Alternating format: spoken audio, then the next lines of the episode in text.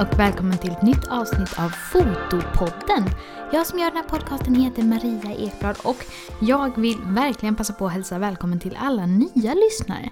Det är så himla kul när jag ser i statistiken att någon eller några per dag har gått in och lyssnat på verkligen alla avsnitt bakåt. Så jag vill verkligen hälsa dig hjärtligt välkommen och även om du är en återkommande lyssnare. Men det är så kul när man märker att någon upptäcker podden och är ny här.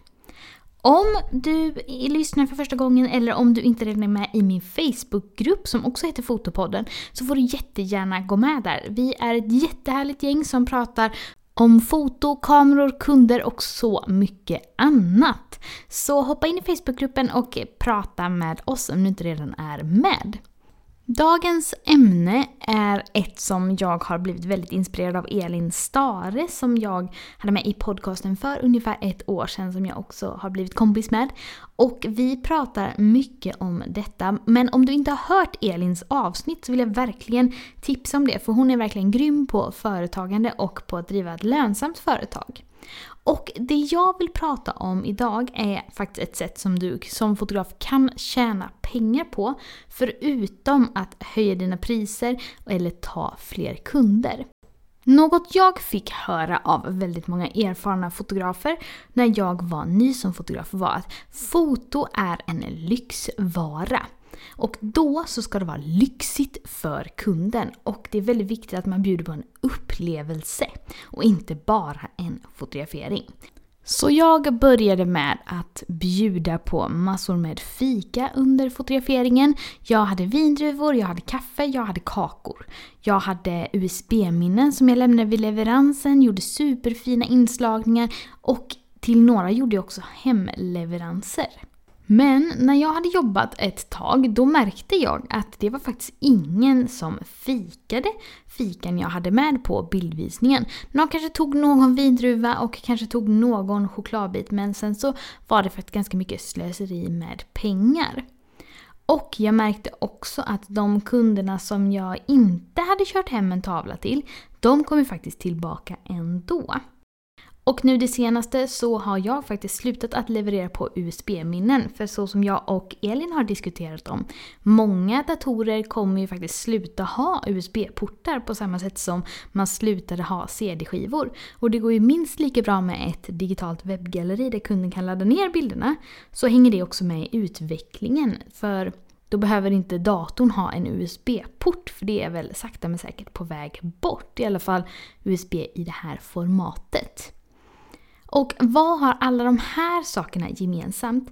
Jo, det är att när jag var nyare så gav jag bort väldigt mycket av min vinst för jag hade väldigt mycket omkostnader som kanske inte är helt nödvändiga. Och man kan ju verkligen välja hur man vill jobba. Jag vet att väldigt många fotografer tänker att man vill ha väldigt personlig kontakt med kunden och man vill att det ska vara en stor happening.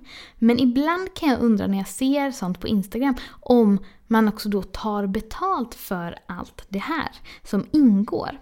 Det kan ju vara så att man faktiskt bara har en kund i veckan och har extremt lyxiga priser och lyxig upplevelse.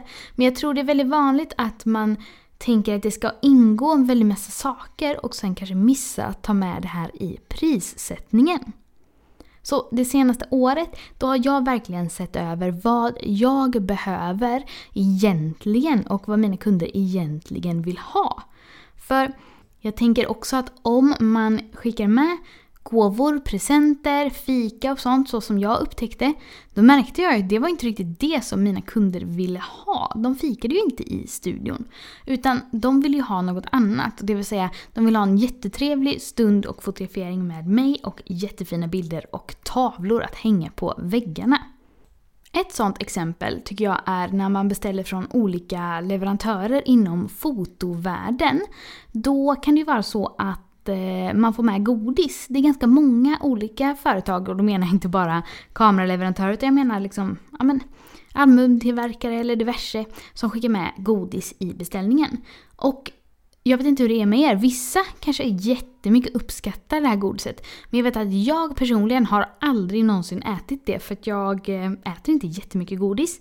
För att jag älskar läsk och jag får ju välja lite. Man kan ju inte hålla på med båda hur mycket som helst.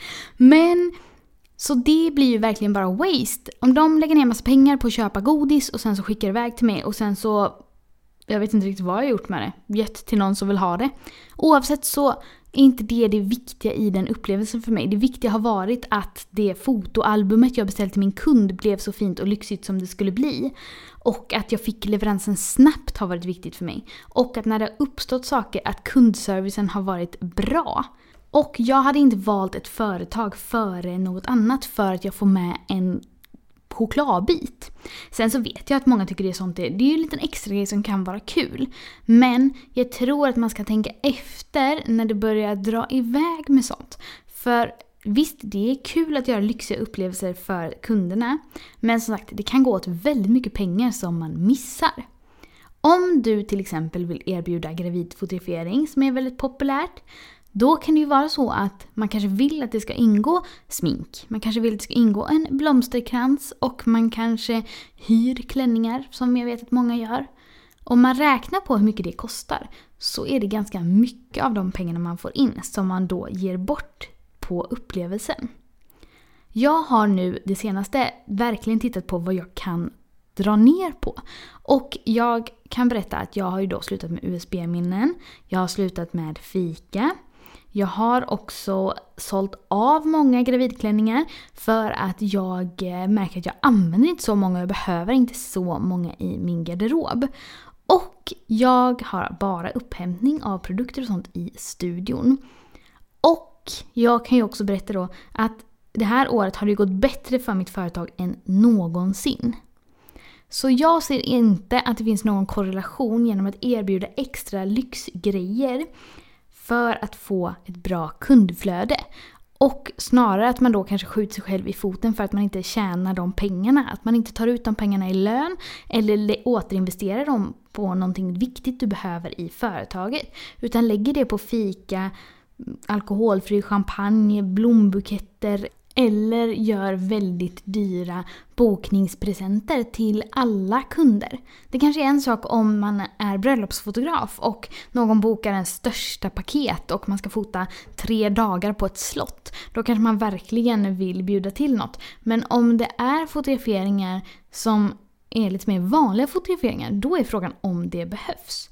För som sagt, jag har märkt att mina kunder kommer tillbaka oavsett detta det spelar inte någon roll för dem i alla fall att någon annan fotograf, att man får med en gåva vid bokning. Utan jag tror snarare att det kan vara negativt för en. För jag förutsätter ändå att vi alla som jobbar som fotografer och har det som vår brödföda, att man ändå vill tjäna en vettig lön och spara till en pension och ha en sjukpenninggrundande inkomst. Och då kan det ju faktiskt vara riskabelt om man istället har valt att ge bort delar av sin vinst som man borde ha tagit ut som lön istället.